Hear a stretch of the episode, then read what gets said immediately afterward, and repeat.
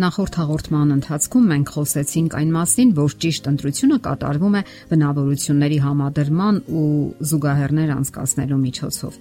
Գոյություն ունեն բնավորության առանձնահատկություններ, որոնք հարկավոր է հաշվի առնել ընտրության որոնումներում։ Ուշադրություն դարձնենք բնավորության հետևյալ տեսակներին։ Եսասիրություն։ Որոշ մարդկանց համար սա կյանքի նշանաբան է Այսպիսիներին դժվար չէ ճանաչել։ Նրանք արտակինից տիրական, ինքնասիրահարված եւ անհոգի մարդկանց տպավորություն են թողնում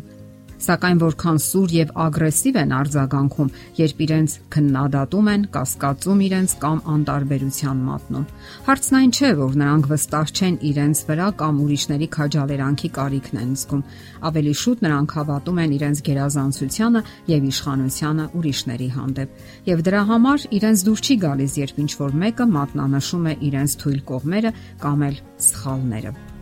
Կան մարդիկ, ովքեր թաքցնում են ճշմարտությունը։ Եվս մեկ հատկանշական գիծ, որով նրանք դարձյալ ձեռնացություն են անում։ Այսպիսիք կարող են ընդհանրապես լռել եւ չասել ճշմարտությունը, կամ էլ նայել աչքերիդ մեջ եւ ստել առանց խղճի խայթի։ Կարող են ստել թե մանր ու աննշան, թե շատ կարևոր հարցերում եւ նշանակություն չունի, թե ով է իր դիմաց՝ երեխա, կին, թե ընկեր։ Կան մարդիկ, ովքեր ճունեն բարոյական սկզբունքներ Այսպիսի մարդիկ ամփույթ են վերաբերվում սոցիալական չափանիշներին եւ բարոյական կանոններին եւ պատրաստ են թեթևորեն շրջանցել դրանք։ Նրանց համար լավ են բոլոր միջոցները տարբեր տեսակի խուլիգանություն, գողություն, շորթում, վախեցնել, վրեժխնդրություն նրանց հանդեպ, ովքեր կանգնած են իրեն ճանապարհին եւ որպես թե խանգարում են։ Ընտրության համար վտանգավոր են նաև այն մարդիկ, որոնք ճունեն խոր զգացմունքներ, բարություն եւ հարգանք։ Նրանք առաջին հայացքից են միայն խոր մարդու տպավորություն թողնում։ Անծանոթների հետ շփման ժամանակ կարող են ավելի լավ դրսևորել իրենց, քան հարազատ մարդկանց հետ։ Այս ձևով նրանք ցանկանում են խելացի կամ ուժեղ մարդու տպավորություն թողնել, չեն հարգում ուրիշներին։ Բարության գործողությունները միայն տպավորություն գործելու համար են։ Սիրում են նաև զոհ ներկայացնել իրենց։ Սակայն ցանկացած հարաբերության դեպքում նաև երիտասարդական կարևոր է մարդուն ընդունելը։ Սա է հարաբերությունների հիմքում։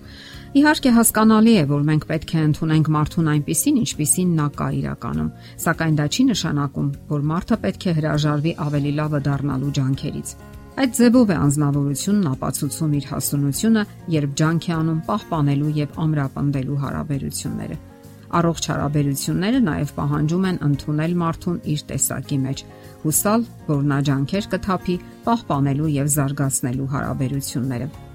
Հավատարմությունը եւս անհրաժեշտ է ցանկացած հարաբերության դեպքում։ Լինել հավատարիմ նշանակում է ընդունել, գնահատել ու հարգել դիմացինին։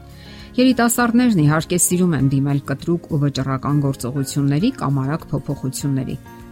Սակայն դա չպետք է խանգարի որ նրանք լինեն հավատարիմ արժեքներին ու սկզբունքներին։ Իսկ արագ փոփոխություններն ու հատկապես դավաճանությունը արդեն ազդակ են, որ վերանայեք ձեր որոշումները։ Կան մարդիկ, որոնք հիմնախնդիր ունեն իրենց խղճի հետ եւ հաճախակի ստում են ու թաքցնում սխալները, ընկնում են չափազանցությունների մեջ, փոխանակ ընդունելու իրենց մեղավորությունը։ Եթե դուք ձեր հարաբերությունները կառուցում եք նման մարդկանց հետ, ուրեմն կառուցում է գերերուն, փխրուն ավազի վրա։ Եթե ցանկանում եք սեր ամբողջ կյանքի համար, ապա պետք է լինեք հուսալի, վստահելի ընկերներ, այլ ոչ թե միայն սիրահարներ։ Հասկանալի է, որ բոլոր գաղտնիքները չէ որ ենթակա են հրաապարակման, սակայն դրանք հնարավորինս քիչ պետք է լինեն։ Կա մի կարևոր գործոն, որը եւս դուք պետք է հաշվի առնեք Ձեր ընկերը պետք է հարստացնի ձեր կյանքը։